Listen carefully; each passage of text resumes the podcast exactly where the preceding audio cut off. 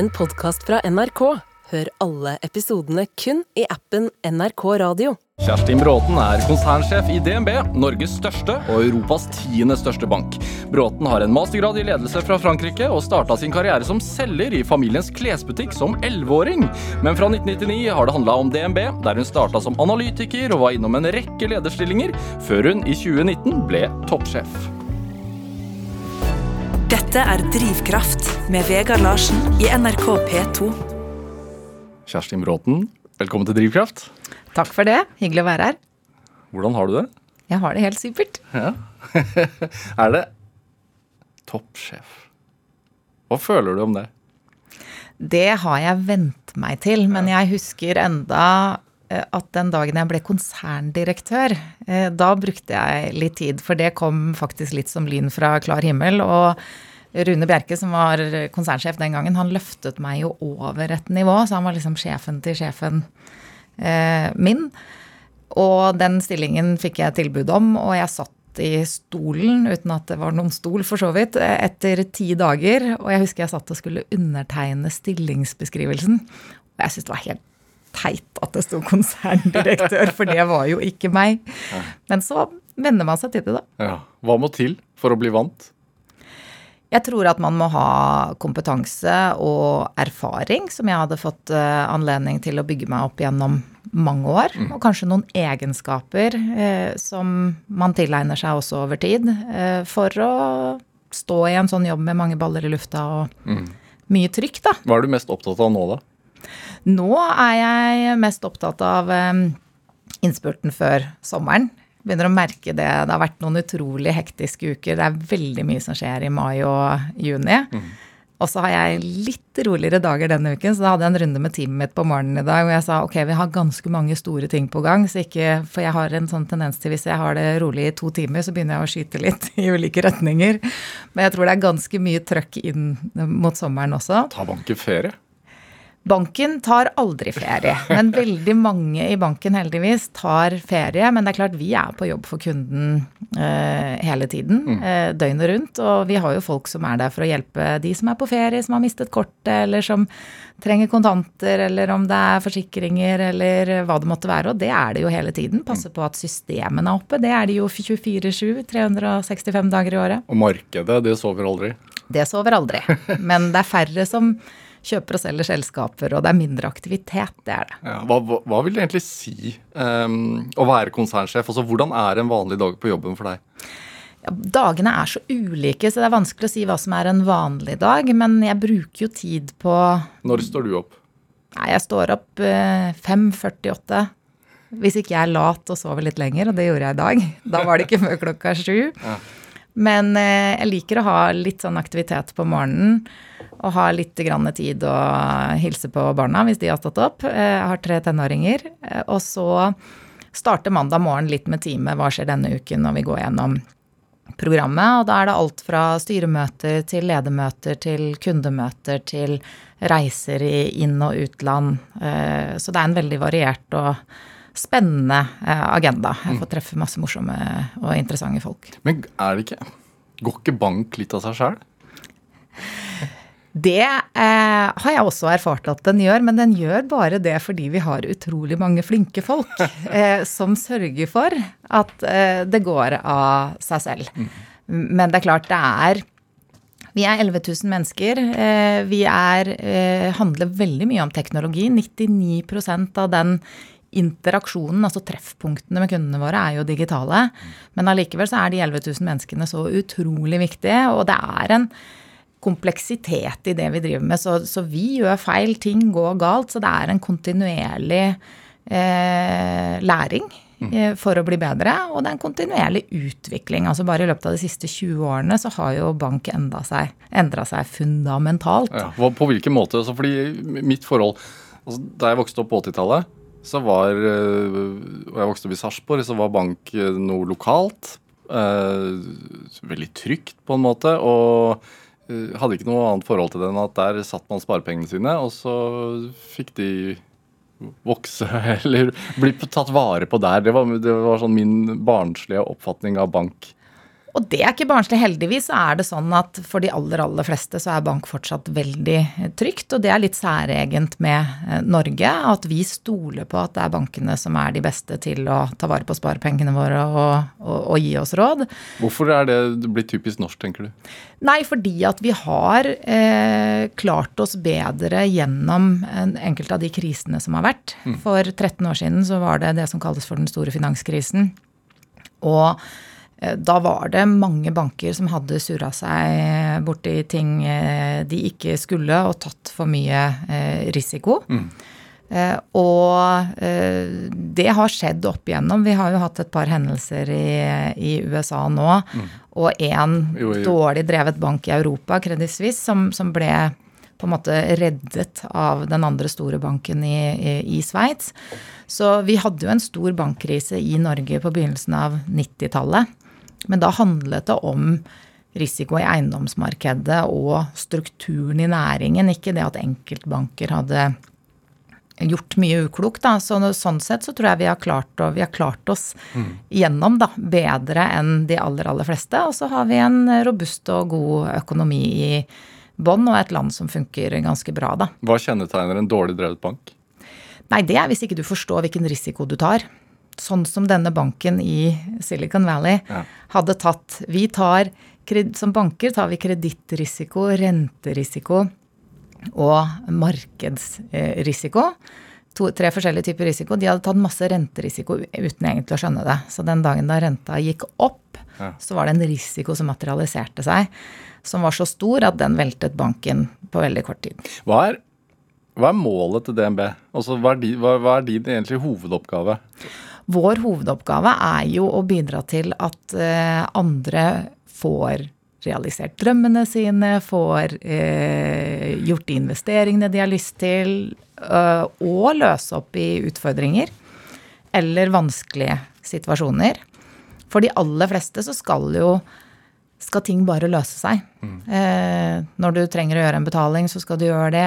Du skal få den informasjonen du trenger til selvangivelsen. Ting skal bare skje mm. uten at vi trenger å gjøre så mye med det. Så har vi de øyeblikkene som er viktige for de aller fleste av oss. Når du skal kjøpe din første leilighet. Eh, når du eh, får deg en jobb. Eh, når du skal gjøre en investering. Hvis du skal starte en bedrift. Mm. Så vi prøver jo å mobilisere på disse hendelsene. Og når du har det vanskelig. Mm. Hvis du går gjennom et samlivsbrudd, hvis du mister noen du er glad i, men som du også har et økonomisk ansvar med disse, disse, Det er jo vår oppgave, tenker jeg. At ja. da skal vi være der og hjelpe og bidra til at dette løser seg på best mulig måte. Da. Og det er jo den snille hva skal man si, storebror- eller storesøstertanken. Eh, hvor man eh, får et godt forhold til banken sin. Men dere har vel også et, et mål om å gå med overskudd til aksjonærer og Altså vår, vår, vår, oppgave er jo å skape verdier. Ja. Eh, og så både håper og tror jo jeg at det å løse disse behovene, det har en verdi. Eh, og det er jo det som er vår eh, forretningsmodell eh, i bunn, og en veldig viktig driver. Vi er et eh, privateid, selv om staten eier 34% så er vi jo et privat eiet selskap som er notert på eh, børsen, og har jo mange både norske investorer og utenlandske eh, investorer. Mm. Og det som er vår egenkapital, er jo egentlig pengene til disse eierne som vi har blitt tiltrodd. Altså de har tillit til at vi forvalter det på en god måte, sånn at de får en verdiøkning, akkurat som du har lyst på eh, Eller akkurat som du skal ha en rente på pengene mm. hvis du har penger i aksjefond eller, eh, eller, i innskudd. Og jo bedre vi er til å drive, jo billigere kapital kan vi hente i markedet som vi bruker til å låne ut til næringslivet f.eks. Mm. Hva trigger deg, da? Er det, er, hvor mye konkurransemenneske er du? Jeg er veldig konkurransemenneske. Uh, så jeg hva er, Hva er veldig konkurransemenneske? Nei, altså jeg, uh, jeg, jeg klarer å tape, og hvis jeg tenker på spill, da, hvis man går til det, mm. Eh, og idrett. Og jeg er, ikke, jeg er langt fra. Jeg, så, jeg, har ikke hevdet meg i, på konkurransemessig idrett, og jeg er kjempeglad i å spille kort og spill og andre ting, og jeg håndterer helt greit å tape. Men det, Gjør du det? det er sånn. Ja da. Men eh, jeg er fremdriftsorientert. Altså jeg er veldig opptatt av resultat. Det skal skje noe. Ja. Eh, og det er eh, den driven, tror jeg, eh, om at noe må endre seg og utvikle seg, og, og en sånn økende fascinasjon eh, rundt, og nysgjerrighet på mennesker, da, og hvordan får vi det til sammen. For det er jo det veldig Det er egentlig det jobben min handler om. Å få, eh, få oss i DNB eh, på det jeg kan påvirke, til å jobbe for å få de resultatene vi, eh, vi jobber for. Hvordan får man 11 000 medarbeidere til å jobbe sammen? Ja, det er eh, alltid det som er det vanskeligste i en eh, sånn jobb som jeg har. Eh, og så gjør, jeg det jo, gjør jeg det jo på ingen måte alene. Men det å eh, forsøke å få med seg eh, en organisasjon i en retning, det vil jeg nesten si er det aller viktigste. Og hva skal til da? Jo, vi må jo være enige om hvor vi skal. Og ha en eh, tydelig strategi. Og så må vi jo, ha, vi må jo tenke at det er viktig, da. Og det syns jeg er ganske enkelt eh, med bank. Eh, for vi må ikke ta på oss i det tekniske. Altså, vi er jo aldri endestasjonen. Og det viktigste er ikke 13% avkastning på egenkapitalen for den enkelte, selv om det er et veldig viktig mål for oss, som vi, eh, som vi eh, har satt oss som ambisjon overfor våre eiere. Men det er jo nettopp hvordan vi kan hjelpe kundene våre, da. Det kommer alltid tilbake til kundene. Hvis ikke vi klarer å skape noen verdier for kundene, da har vi ikke noe eh, der å gjøre. Nei. Jeg har sett på LinkedIn, altså sosiale medier LinkedIn, hvor du siterer faren din som, eh, som har sagt at står du stille, beveger du deg bakover. Ja, det er helt riktig. Og jeg har jo med meg mye i bagasjen fra både mamma og pappa, som jeg jo jobbet sammen med. Du sa jeg, eh, eh, jeg eh, eh, solgte klær fra jeg var 11. Jeg fikk ikke lov å selge med he helt med en gang. Jeg måtte nok sitte på lager og prise noen år. Uh, og jeg husker enda første Det er gangen jeg skulle foreldet det nå, vet du, det er- Ja, det er foreldet. Uh, men da eh, Jo, men elleve år, vet du. Det var jo voksne damer som skulle handle i denne butikken. Jeg husker fortsatt første gangen jeg gikk ut, og jeg hadde jo kontroll på alt i denne butikken. Hva slags klær? Eh, nei, dameklær. Eh, så ikke, ikke ungdomsklær heller, men det var jo eh, for eh, voksne damer, men fra 20 og oppover. Eh, men mange voksne damer som også handlet der, og undertøy og garn var det i sin tid. da. Og jeg hadde jo, den gang så var jo ikke varene så lett tilgjengelig. Eh, Så det hang jo veldig tett og eh, klønete til. Men jeg hadde jo kontroll på hvor alt var. Jeg husker jeg sto bak en dame som jeg var kikket inn og, i en bukseavdeling. Så tenkte jeg, er det noe jeg kan hjelpe deg med? Og så snur hun seg, og så ser hun bare denne ungen, og så tenker hun nei, jeg må ha hørt feil. Og så snudde hun seg og fortsatte å rote i disse buksene, og jeg turte ikke å spørre en gang til, da. Men mine foreldre drev jo denne eh, lille bedriften sammen. På det meste hadde de vel fire butikker. Hva het den? Eh, Rasmussen på Torvet. Og det er jo mitt pikenavn. Eh, eh, pikenavn. Det var det jeg het før jeg gifta meg. Ja. Eh, Rasmussen. Så det var et eh, merkenavn, og det var min bestefar som startet det. Eh, som mine foreldre da jobbet med.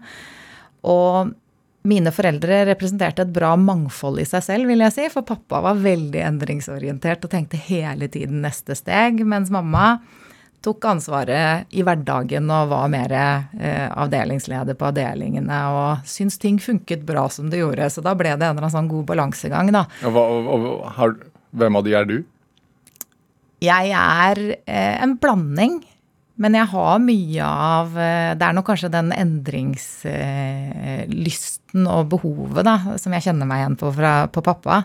Og han sa det at eh, eh, hvis du, eh, hvis du skal holde tritt, så må du hele tiden bevege deg framover. Hvis du står stille, så beveger du deg de facto bakover, for verden rundt deg, den, den beveger seg. Dette er Drivkraft med Vegard Larsen i NRK P2.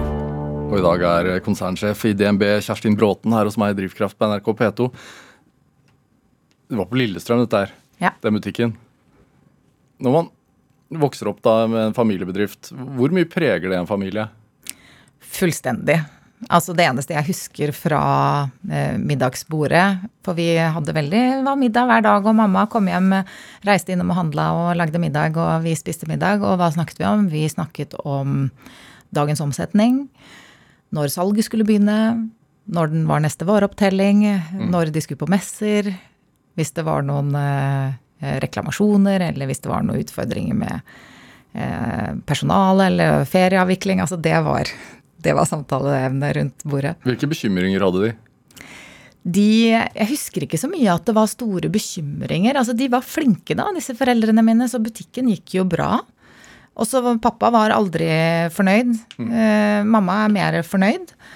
Eh, men det igjen skapte en sånn dynamikk, så bekymringene Jeg husker egentlig ikke at det var så veldig bekymringsfullt. Det var egentlig trygt og godt, men det har kanskje bidratt til at Altså, jobben er livet. Det betyr ikke at livet ikke er bra, men det var en slags sånn symbiose mm. som alltid var der. De var på jobb seks dager i uken, og det var Jeg var liksom vant til det var et familiemedlem ekstra, denne, denne butikken. Eh, og um, da kom det veldig tett på, da. Mm. Dette med kunder og det å eh, skape arbeidsplasser. Og det var en liten arbeidsplass, men det var jo en arbeidsplass, så du får liksom alle tingene litt inn med morsmelka. Det var julebord hjemme i stua. Vi syntes at de lo veldig høyt, husker jeg og søsteren min, for vi fikk ikke sove. Så det var liksom veldig nært, da. Ja. Hva, lærer man av det? Av, altså, på den tiden så En butikk, en klesbutikk i Lillestrøm sentrum altså det betydde kanskje mer for folk enn butikkene gjør nå? Jeg tror og jeg håper at den betydde mye for mange. De klarte jo å selge den til slutt også, selv om det egentlig ikke er så lett å selge en klesbutikk. Men jeg tror det navnet hadde en viss verdi, og det var litt en institusjon. Altså, de beholdt jo også det navnet i ganske mange år mm. etter at foreldrene mine solgte. Og det jo ikke, var jo ikke så mye å velge i. Så du blir jo Altså, min far var jo engasjert i næringslivet i Lillestrøm og prøvde liksom å skape liv i byen. Du blir jo en del av bybildet. Mm. Eh, Folk må være i gågata for å handle? Nemlig. Ja. Du blir jo opptatt av egentlig det samfunnet som er rundt, da. Og prøve å skape aktivitet. Og jeg husker han var så utrolig opptatt av at eh, skulle, vi skulle få bystatus i Lillestrøm. For det er jo noe å skape en byfest rundt, det har de for så vidt enda. Og eh, i år etter år så fikk vi jo avslag på denne søknaden om å bli by, men endelig så fikk jo Lillestrøm sin bystatus for ganske mange år siden. Og da var det jo stor feiring, og året etter så ble Lillestrøm kåra til Norges styggeste by.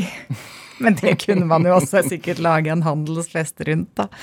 Så mm, Men det jeg lærte Jeg lærte om kunder, jeg. Mm. Og det med umiddelbar verdiskapning. Jeg tror jeg kunne jobbet i butikk i dag òg, jeg. Fordi du får, så, du får, så, veldig rask feedback på om du har lykkes i jobben din eller ikke. Noen ganger er det å lykkes at noen går ut igjen hvis du føler du har fått vist fram det dere har, mm. og det ikke var det som kunden ønsket seg. Men det å klare å hjelpe noen Eh, det er ikke alle som syns det er like stas å eh, prøve klær. Og det å få en ærlig tilbakemelding på at nei, den var du faktisk ikke noe særlig fin i, det skaper en trygghet. Altså, det er jo eh, Det er en relasjon, da. Og mm, Kroner og øre, da?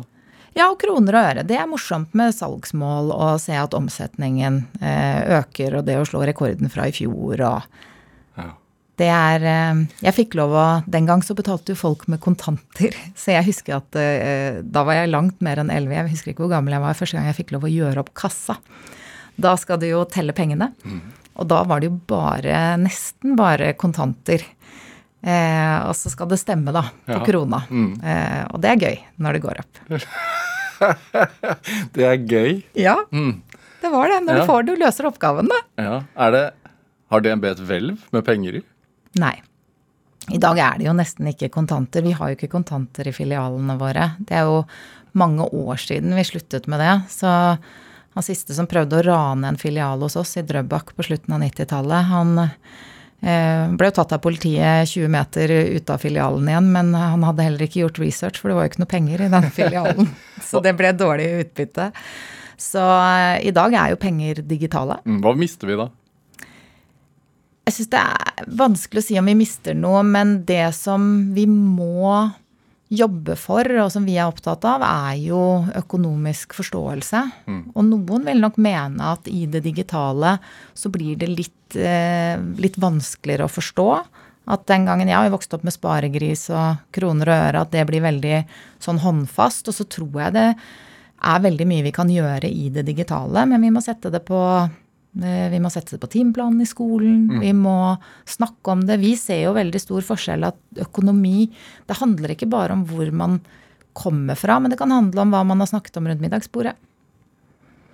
mange andre ting. Hvordan, hvordan står det til med den økonomiske kompetansen vår da, generelt her i landet? Den er for lav, og så står det samtidig veldig bra til med økonomien til de aller fleste. Mm. Og det er klart at det har det gjort i veldig mange år. Vi er heldige og lever i et eh, rikt land med mange ressurser hvor eh, de aller, aller fleste har det de trenger. Og det er jo litt sånn med økonomi og penger at så lenge det går bra, så trenger vi jo ikke å fokusere så mye på det. Mm. Men det er klart, vi er jo veldig opptatt av å jobbe med dette gjennom uh, sparing, f.eks., og viktigheten av sparing. Vi ser jo at eh, vi nordmenn, vi sparer veldig annerledes enn mange i andre land. Hvordan da? Eh, vi er ikke så vant til å spare til pensjon, fordi at vi har hatt strukturer hvor staten tar ansvar for at vi får den pensjonen vi trenger. Mm. Nå har vi hatt en omlegging til noe som heter innskuddspensjon for mange år siden. Og det betyr at vi må ta et mer aktivt forhold. Og vi sparer penger litt på bankkonto, men det å spare i rentefond eller aksjefond, det er jo ting som over tid har gitt større eh, avkastning eh, andre eh, steder, mm. og også her. Så vi ser jo et skille mellom de som sparer, har et mer aktivt forhold både til økonomi og sparing, at de får mer å rutte med over tid. Men, men, når man leser nyhetene nå, så, så får man inntrykk av at uh, folk uh, står på grensen. Altså at uh, folk sliter mer økonomisk nå enn en, en på lang tid. er det tall dere leser også? Vi leser jo dette, og så er bildet veldig mer, mye mer nyansert eh, på det vi ser, som har veldig mange kunder. Det som også er et faktum, er jo at vi nordmenn til tross for at prisene har gått opp veldig mye Først så var det jo strømprisene, og så har rentene blitt høyere og økt i mange omganger, så fortsetter jo vi nordmenn å bruke like mye penger mm. i stort. Eh, så forbruket har jo fortsatt å ikke bare holdt seg oppe, men fortsatt å øke. Så ser vi kanskje noen tegn nå til at det flater ut. Så det er jo ikke et bilde som speiler det faktum som også er veldig sant, at det er klart at for de mest sårbare og for enkelte, mm. så er dette veldig krevende. Eh, og det, eh, det, er viktig å ta med seg, men i stort så er det fortsatt veldig mange i Norge som har eh, har eh, råd til det de har behov for. Mm. Og vi ser ikke i våre tall eh, større bevegelser i porteføljen i form av økt risiko. Eller en av de tingene vi også ser på, er jo f.eks. Eh, betalinger som går over forfall, eller at folk ruller kredittkortgjelden sin. Mm som eh, kan være nødvendig, men hvis man har alternativer, så er det ofte bedre. Altså den type ting. Vi ser ikke så mange av disse tegnene. Hva er å rulle kredittkortgjeld? Å rulle kredittkortgjeld, det er å ikke betale kredittkortregningen din når den kommer. Eh, når du bruker kredittkort, så betaler du ikke renter på de pengene med en gang. Nei. Men hvis du ikke betaler på forfall, så begynner det å løpe renter. Og det er ofte høyere renter enn du betaler på boliglånet ditt, f.eks. Ja. Hva tenker du om sånn forbrukslån? Forbrukslån tenker jeg er veldig bra for eh, det behovet. Ja, DNB har, vi har veldig lite forbrukslån, men det er et viktig produkt eh, til riktig bruk, og det har vi et ansvar for å passe på at eh, det er at, at forbrukslån er det riktige produktet for, for deg. Mm. Jeg bruker kredittkort hele tiden ja, når jeg handler på nett.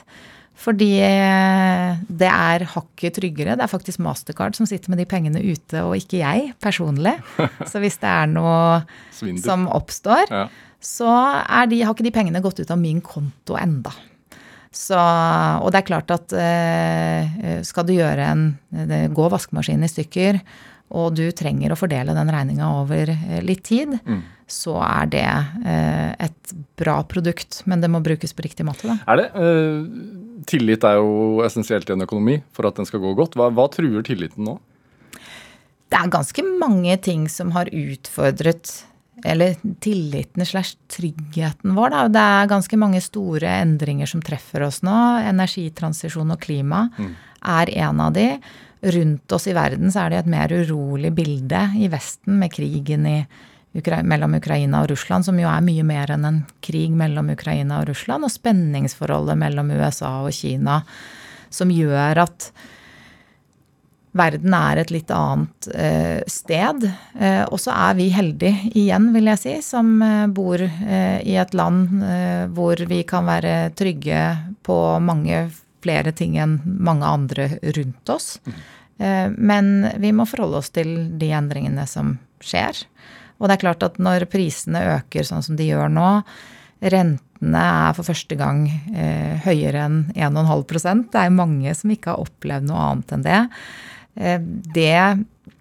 Det betyr jo at vi må tenke litt annerledes og må spare og planlegge økonomien mer. Og hvis du kjøper et hus med et fem år gammelt kjøkken, så må du kanskje bruke det litt til istedenfor å rive det ut. Det er bra både for miljøet og, og for økonomien. Da. Tenker du på folks økonomi? Altså når dere setter opp boliglånsrenta f.eks. Eh, så følger dere jo selvfølgelig eh, markedet og sånn, men, men, tenker du på at dette går utover folk? Eller kan man ikke ha den jeg tror det er viktig å si sympatier. at uh, penger er jo vår råvare. Mm. Akkurat som andre produserer uh, stål eller biler eller gjødsel, eller så bruker man jo veldig ofte en råvare til å produsere uh, den endelige varen. Og prisen på penger er akkurat som prisen på en råvare, og det er jo det som skjer i markedet nå. Og da er ikke Norge isolert fra verden rundt oss. Eh, og eh, nå har jo inflasjonen gått opp, så da setter jo Norges Bank opp rentene. Og så er jo det en viktig faktor for oss å vurdere, eh, samtidig med markedet eh, rundt. Eh, men vår jobb er jo i sum å levere disse tjenestene til en bærekraftig pris. Altså jeg har også en jobb for å sørge for at dette, dette går at vi driver banken på en forsvarlig måte, da. Ja. Hva hadde skjedd hvis vi hadde byttet råvare fra krone til euro? da? Nei, da hadde det skjedd mange ting. Det er klart at før det så måtte vi gått inn i EU eh, e ja. før man tar stilling til selve eh, valutaen, og det tror jeg hadde vært bra for Norge på mange måter, uten at jeg tror det ligger i kortene i det nærmeste. Men det er klart, vi beveger oss inn i en verden hvor det at vi er annerledes eh, kommer til å bety mindre og mindre for oss etter hvert. Vi er annerledes i at vi er et land som produserer olje og gass. Mm. Det skal vi gjøre i mange år til, men over tid så blir det en mindre del av økonomien vår. Og det å være en del av det europeiske markedet, som tross alt er den viktigste handelspartneren vår, i en verden som er litt mer usikker, hvor andre bygger barrierer rundt seg Vi må passe på at vi ikke havner på utsiden av eh, grensene til, til, Europa i så måte, for da blir det tøft for veldig mange norske bedrifter. da. Så, hva, så det er en naturlig overgang som vil komme? Det er det jo opp til den norske befolkningen og myndigheter å bestemme. ja, eh, så uh, ut ifra uh, den økonomiske fremtiden vår, så er det jo mange som mener at det er fornuftig, og andre som mener andre ting. Hva mener du, da? Nei, jeg tror at det er viktig for Norge å være en del av et større fellesskap. Det tror jeg. Som konsernsjef i DNB, hva hvor mye vil dine utsagn kunne justere verdien på børsen? Det, det, vil det faktisk kunne gjøre ganske mye hvis jeg går helt av skaftet og sier rare ting.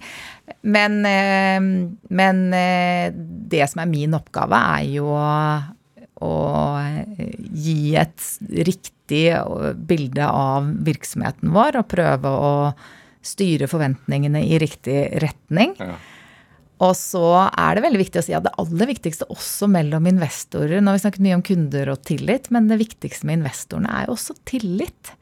Så, og så prøver vi å hjelpe disse investorene og analytikerne med å gi så mye informasjon og skape så god forståelse for det vi driver med som mulig. For det er jo det de skal satse, eller det er det de skal eh, sette sin lit til, da. Eh, og det er klart at hvis de opplever at det skjer noe annet enn det vi har eh, eh, sagt, eller at strategien er en helt annen, mm. eller at vi lover at vi aldri skal tape penger, det kan vi jo ikke, for det er en del av det å ta risiko. Hvis de føler seg litt eh, lurt, da, det er jo da du, eh, du får, et, får, et, ras, da. Så hvis du ser på børsen når du får selskaper som beveger seg veldig mye, så er det gjerne fordi det kommer ut noen ny informasjon. Mm. Hvor store verdier handler dere for? Vi handler for? Da spørs det hva du mener med at vi handler for. Ja, men Som dere sitter på? Det går eh, vanvittig store summer gjennom DNB hver eh, eneste dag. Det er faktisk på størrelsen med et statsbudsjett, så det er flere tusen milliarder eh, kroner som går igjennom eh, vår infrastruktur. Men dette er jo ikke våre verdier. En del av det er jo vår kapital som vi plasserer eh, rundt omkring. Våre likviditetsreserver, ja. f.eks. Men dette er jo Vi er jo på mange måter Eh, pengeårene mellom Norge og utlandet. Ja. Eh, så det er jo gjennom denne kanalen at, eh, at pengeflytten mellom norsk næringsliv og utlandet går, da. Mm. Kjerstin Bråten, vi skal spille litt musikk. Du, du har med en låt som heter Get Lucky. Hva, hva legger du i det? jeg legger ikke så mye i det. Utover at jeg blir glad når jeg hører på den, fordi Eh, jeg har noen, veldig, noen, minner som jeg er veldig glad i, eh, som nå er noen år tilbake. Jeg vet ikke hvor gammel den sangen er, men vi var en hel gjeng. Jeg har en jentegjeng som jeg reiser på tur med en gang i året. Har dere et navn? Vi, eh, ja, vi kaller oss for Alfabetjentene fordi vi reiser etter alfabetet. vi har dratt flere steder vi sikkert aldri ville reist fordi vi drar etter neste bokstav. Men da var det Enkelte ganger da, så tillater vi at familiene får være med. Ja. Og da er det til samans. Så eh, for ganske mange år siden nå så var vi i Spania, og da hadde nesten alle, tror jeg, sånne små på tre, fire, fem, seks, sju år. Så vi var jo sikkert 25-30 stykker i ett hus i Spania. Og spiste middager på terrassen, og så var alle oppe altfor sent. Og så danset hele gjengen, husker jeg da, utpå kvelden. Og det er så fantastisk med disse tre, fire, femåringene vet du, som står og svinger seg etter sånn gladmusikk, da. Ja. Så det syns jeg er liksom et sånt herlig bilde å kjenne på når jeg hører den sangen. Og til denne låten, ja. ja.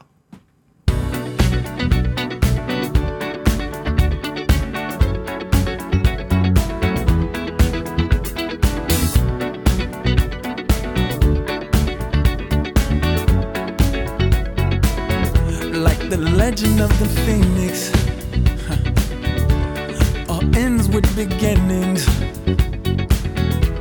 What keeps the planet spinning?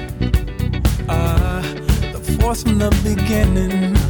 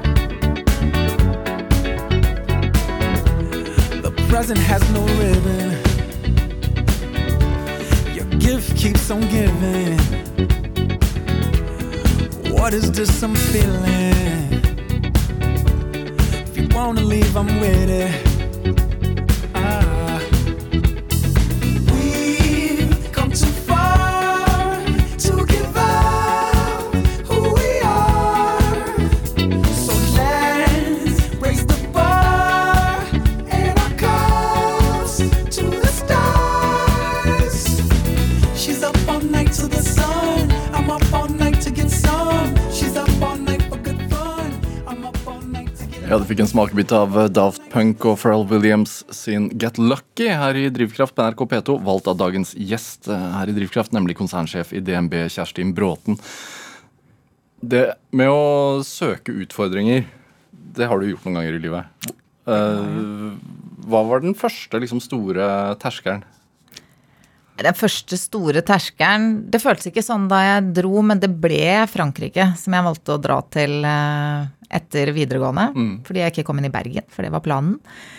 Og da Jeg kan ikke helt huske hvordan jeg bestemte meg for det, men eh, jeg hadde jo ikke hatt fransk på skolen og skulle egentlig ha et, eh, et friår.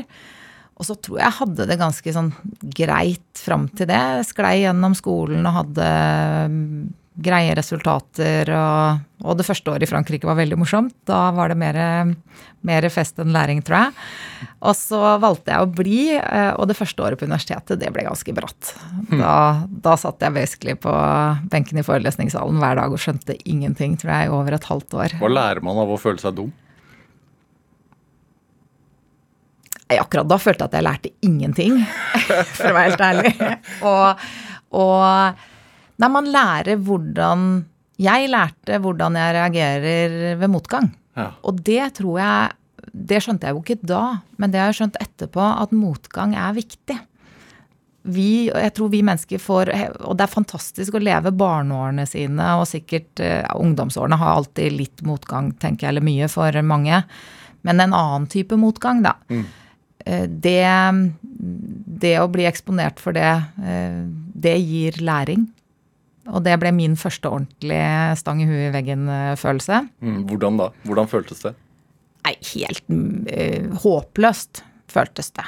Ja. Uh, fordi uh, jeg kunne språket rett og slett for dårlig. Det gjorde jo at sosialt så blir du jo helt Du blir jo intetsigende også.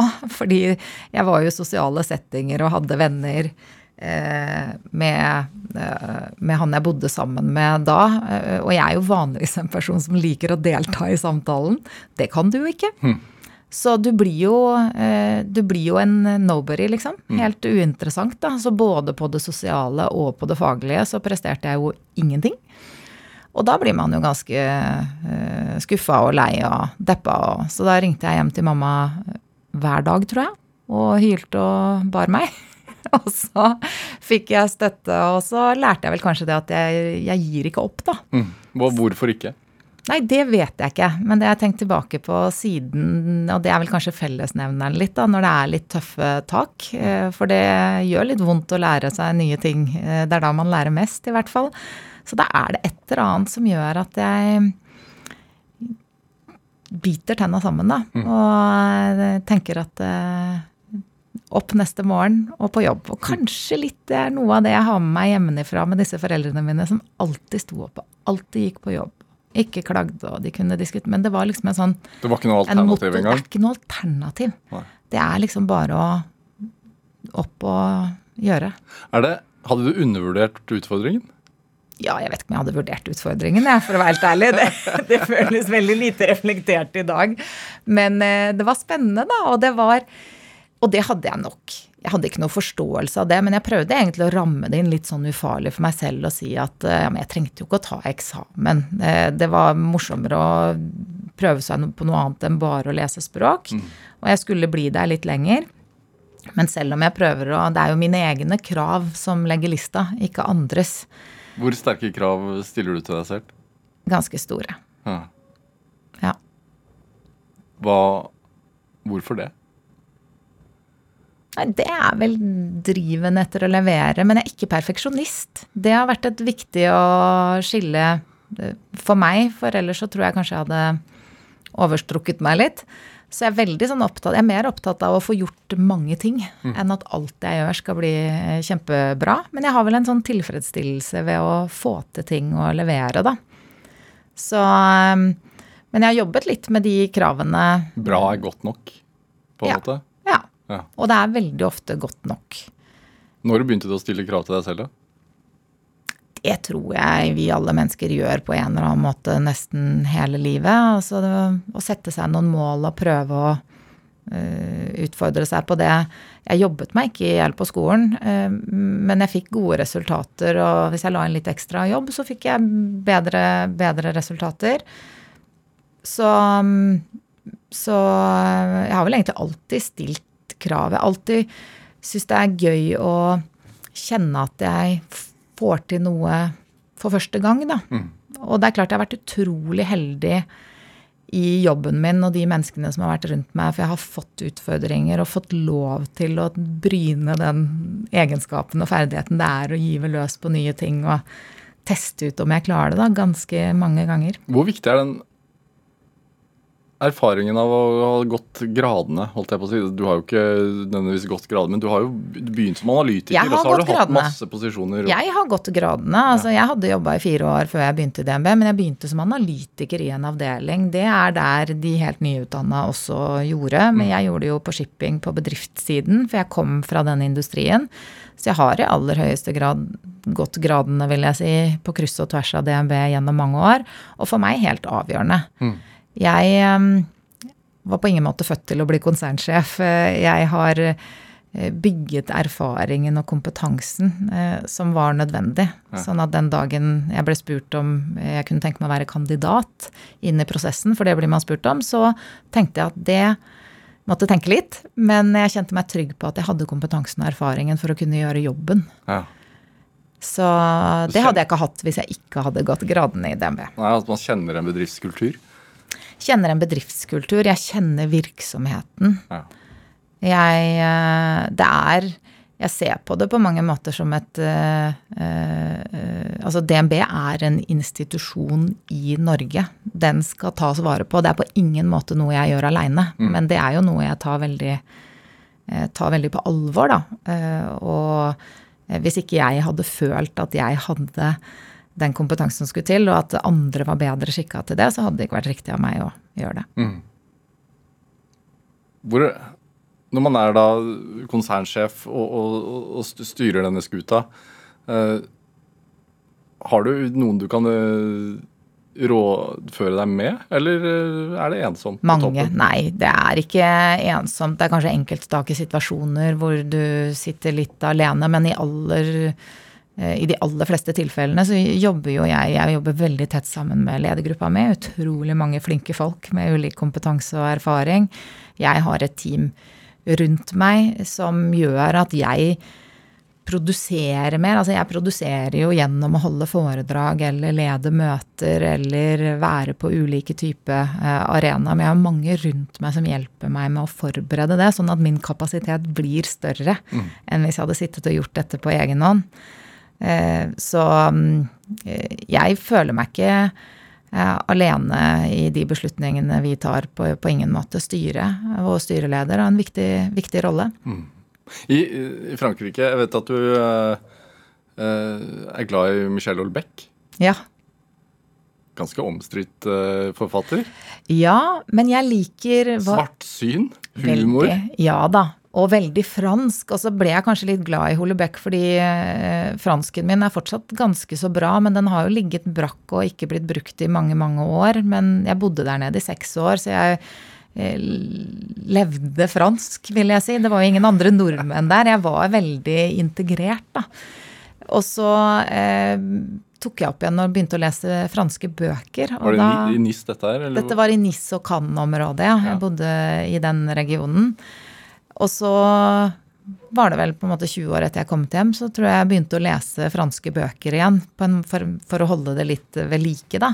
Og da landa jeg litt på Hollebeck. Men jeg liker å jeg liker å gå inn i ting som er veldig annerledes enn meg selv, da. Jeg tror ikke, at, jeg tror ikke Michelle Hollebeck og jeg er veldig like, for å si det sånn. Jeg er glad, Men- jeg er glad for å høre. Men jeg liker jo de som skaper en reaksjon, da. De som representerer noe annet. Eh, for det får jo fram spennende og interessante diskusjoner. Det er jo der magien ligger litt, altså ikke nødvendigvis i Hollebeck, da, men at vi mennesker strekker oss litt. Ut av boksen, ut av det som ville vært vår motorvei, da. Eh, Det er jo derfor jeg tror så veldig på mangfold, men samtidig er den første til å si at eh, det er samtidig utrolig vanskelig. Vi har så lett for å stoppe opp og si ja, men mangfold det er like mer bedre verdiskapning, mer verdier. Ja, ikke automatisk. Det må man jobbe med, da. Så når nyheten i dag eh, morges kom om at regjeringen og LO og NHO vil ha 40% menn og 40% kvinner i alle styrene innen 2028, så tenker du nja? Jeg opplever at eh, mangfoldet i Norge er på veldig god eh, vei, og vi har jo jobbet med kjønnsmangfold i DNB i mange, mange år. Og ser at det det jeg tror er viktig, er å ta vare på begge deler. Og så tror jeg mangfold er veldig mye mer enn kjønn. Eh, Og det er kanskje det vi har satt på agendaen nå. Hva lærer man om mangfold i Frankrike? ikke så veldig reflektert på mangfold den gangen. men det er jo et samfunn som er mer tradisjonelt. Men det er jo mange damer som har Altså Christine Lagarde, som nå er eh, sjef i sentralbanken i Europa. Hun var jo tidligere finansminister i, i Frankrike. Det er mange sterke kvinnelige rollemodeller i Frankrike også. Mm. Men det er jo et mer tradisjonsbundet altså rollemønster, macho, i, i, i, samfunnet. Det er det. Mm. Hva lærer man om Norge, da? Når man bor der? Nei, jeg sa da jeg bodde i Frankrike for der var det jo fint vær hele tiden. Nesten hele tiden, i hvert fall. I hvert fall i Nis eller på Côte d'Azur. Ja, på Côte d'Azur. Eh, der var det fint. Og så sa jeg at i Norge så er vi så vant til at det er dårlig vær, så vi snakker ikke om været. Det er jo helt feil. Så jeg, jeg mistet litt norgesperspektivet da jeg var der. Men eh, Nei, Norge er et eh, fantastisk land og et flott samfunn å bo i. Da. Norge er et land med mye høyere grad av trygghet. Altså, det var høy arbeidsledighet da jeg bodde i Frankrike.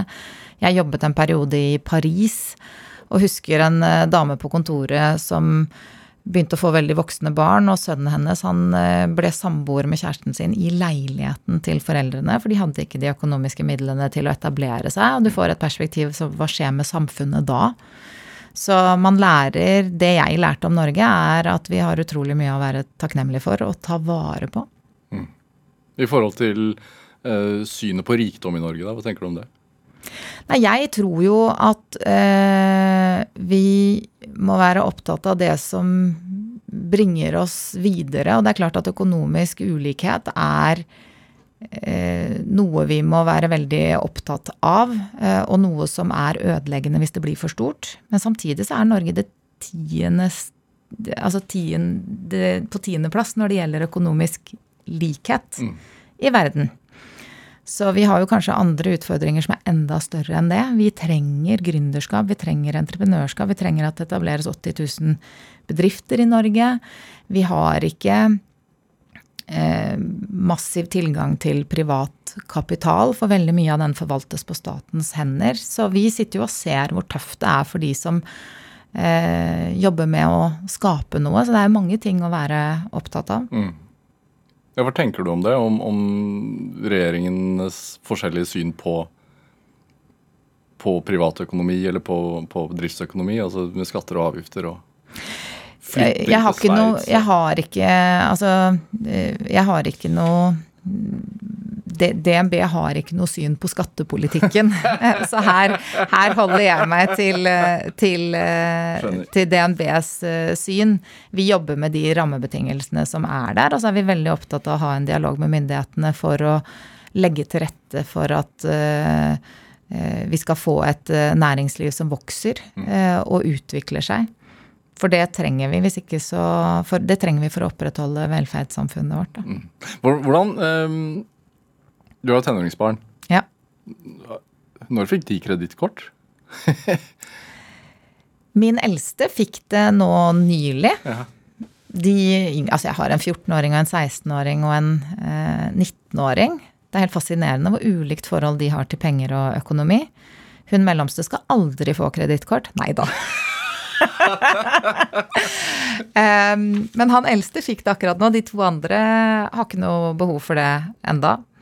Uh, men bankkort fikk de, ja. og så tok de kortlappen. Det må man gjøre. Det ligger inne på DNB sin nettside.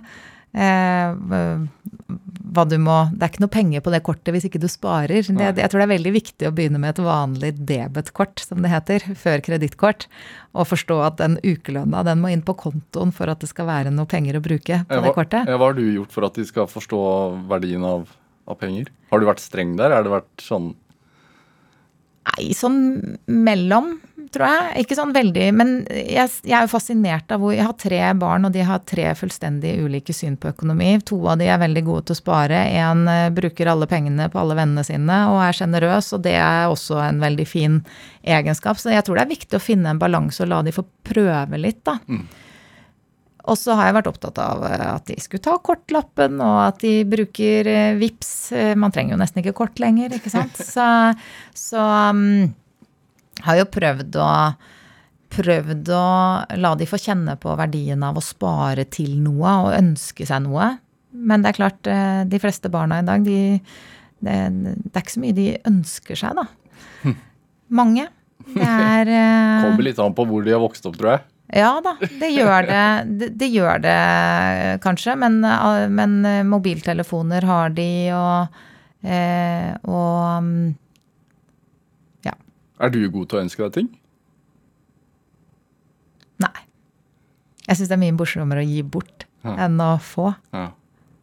Når er du altså, Vi startet jo innledningsvis her å prate om hvor lenge, altså, hvordan en arbeidsdag ser ut. At du begynner 05.48, var det det? Ja, det er, veldig, det er det som står på vekkerklokka. Ja. Ja. Når kommer du hjem?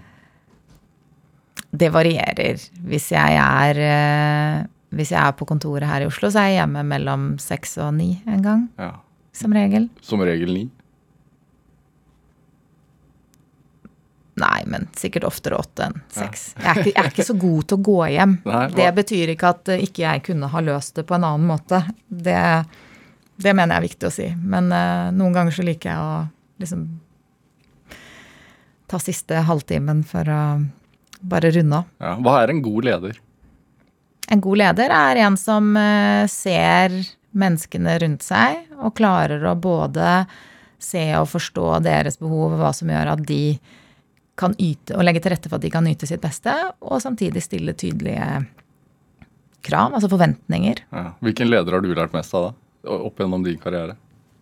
Nei, Jeg har hatt utrolig mange gode ledere, og jeg har eh, lært noe av dem alle sammen.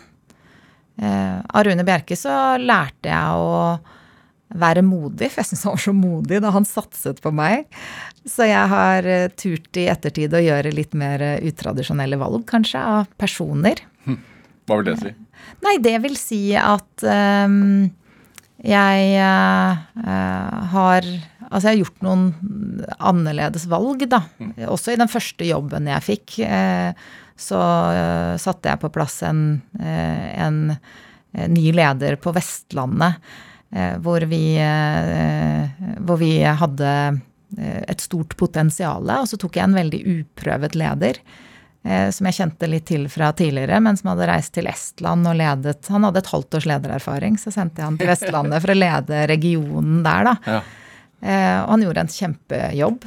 Ja, hva, hva, hva betyr det at du Altså, hva ser du etter i et, på et jobbintervju da, da? Da ser jeg etter Jeg ser jo vel, vel så mye etter eh, egenskaper og ferdigheter som etter fagkunnskap. Og det er erfaringen min også, at det betyr vel så mye, i hvert fall hvis du skal lede. For det handler jo om å egentlig få andre mennesker til å eh, prestere. Eh, og da er det veldig mye som handler også om kommunikasjon, Ja. av retning. Hvor skal vi? Vi får ikke noe kraft hvis ikke vi vet hvor vi skal. Kjerstin Bråten, det er jo sommerferie snart. Ja. Um, folk har fått feriepenger. Ja. Noen har fått skattepenger. Hva bør vi gjøre? bør vi veksle det i euro og Det eh, er jo opp til hver enkelt, og, og, det ikke, og det svaret er ikke likt, da. For er det noe vi ser, så er det jo at alle, alle økonomier er unike. Så du kan ikke gi et felles råd. Eh, men det å i hvert fall vurdere eh, sin egen økonomi og tenke gjennom hvor mye av det skal jeg bruke på ferie, og hvor mye av det skal jeg faktisk spare i en tid som er nå. Det er kanskje enda mye viktigere enn det var i fjor og året før. Eh, og det å ha litt å gå på er lurt. Fordi selv om vi er mange som syns at renta er høy nå, så har det vært litt sånn unntakstilstand de siste årene at eh, den har vært eksepsjonelt lav. Eh, så det å ha, eh, ha litt på eh, sparekontoen eller være forberedt på eh, noe uforutsett, det er eh, ofte lurt. Og så er det viktig å ha ferie og unne seg noe, men det er ikke alltid det trenger å koste så veldig mye penger. Og akkurat nå er det veldig dyrt å reise til utlandet. Mye fint i Norge. bitcoin? Bitcoin er veldig høy risiko. Men det er 230 000 nordmenn som eier bitcoin, og det Hvis du bruker penger på bitcoin som du tåler å tape, så tenker jeg at det er helt fint. Det er eh, det er eh, lov, og det er eh, en del av økonomien. Altså hele gamingsfæren og hele, hele den digitale verdenen kommer kanskje til å betale på andre måter, og det er en voksende del av økonomien vår. Men å tro at bitcoin er penger, det må man ikke. Men syns du det er spennende med krypto? Ja, jeg syns, eh, jeg syns kanskje ikke krypto er spennende eh, per se for, eh, for min egen del, men, men utvikling er spennende. Det, det, digitale som skjer, altså kunstig intelligens kanskje enda mer, som er tilgjengelig. Jeg spurte datteren min her om dagen, og hun bruker det hver eneste dag eh, på skolen. Eh, så det er jo utrolig kraftfulle verktøy som kan gjøre hverdagen ikke bare enklere, men bedre, og som kan hjelpe oss til å levere på de oppgavene vi skal, om det er privat eller på jobb. Mm. Eh, så det å være nysgjerrig, da. Så sånn sett så er jeg også nysgjerrig på krypto fordi eh, vi må skjønne hva det, hva det kan bety. Ja, har du krypto selv? Nei, jeg har ikke det. Men bruker dere kunstig intelligens i DNB? Ja, ja, vi bruker det aller mest på å forhindre svindel. Og det er kanskje der hvor vi ser de aller mest spennende use casene, som vi kaller det. Det får bli en annen prat, Kjersti Bråten, for det rekker vi ikke i dag. Men, men hva er drivkraften din? Drivkraften min er å skape resultater sammen med andre. Og en sånn iboende nysgjerrighet på hva er det som får et menneske til å yte på sitt aller beste. Ja. Hva får deg til å yte på ditt beste? Å ha flinke folk rundt meg som inspirerer meg, og som jeg kan gjøre noe sammen med. Kjerstin Bråten, tusen, tusen takk for at du kom til Drivkraft. God sommer når den tid kommer. I like måte. Hør eh, flere samtaler i Drivkraft på nrk.no eller i appen NRK Radio. Der kan du også følge oss, så du får eh, alle våre siste intervjuer inn i appen din eh, med en gang de blir lagt ut som podkast. Send oss ris eller ros, og også tips til mennesker som du mener har drivkraft. Send den e-posten til drivkraft.krøllalfa.nrk.no. Vi hører veldig gjerne fra deg. Produsent i dag det var Kjartan Aarsand, mens Solveig Sørbø gjorde research til denne sendingen. Eh, men dette er Dette var Drivkraft. Jeg heter eh, Vega Larsen. Vi høres. Du har hørt en podkast fra NRK. Hør alle episodene kun i appen NRK Radio.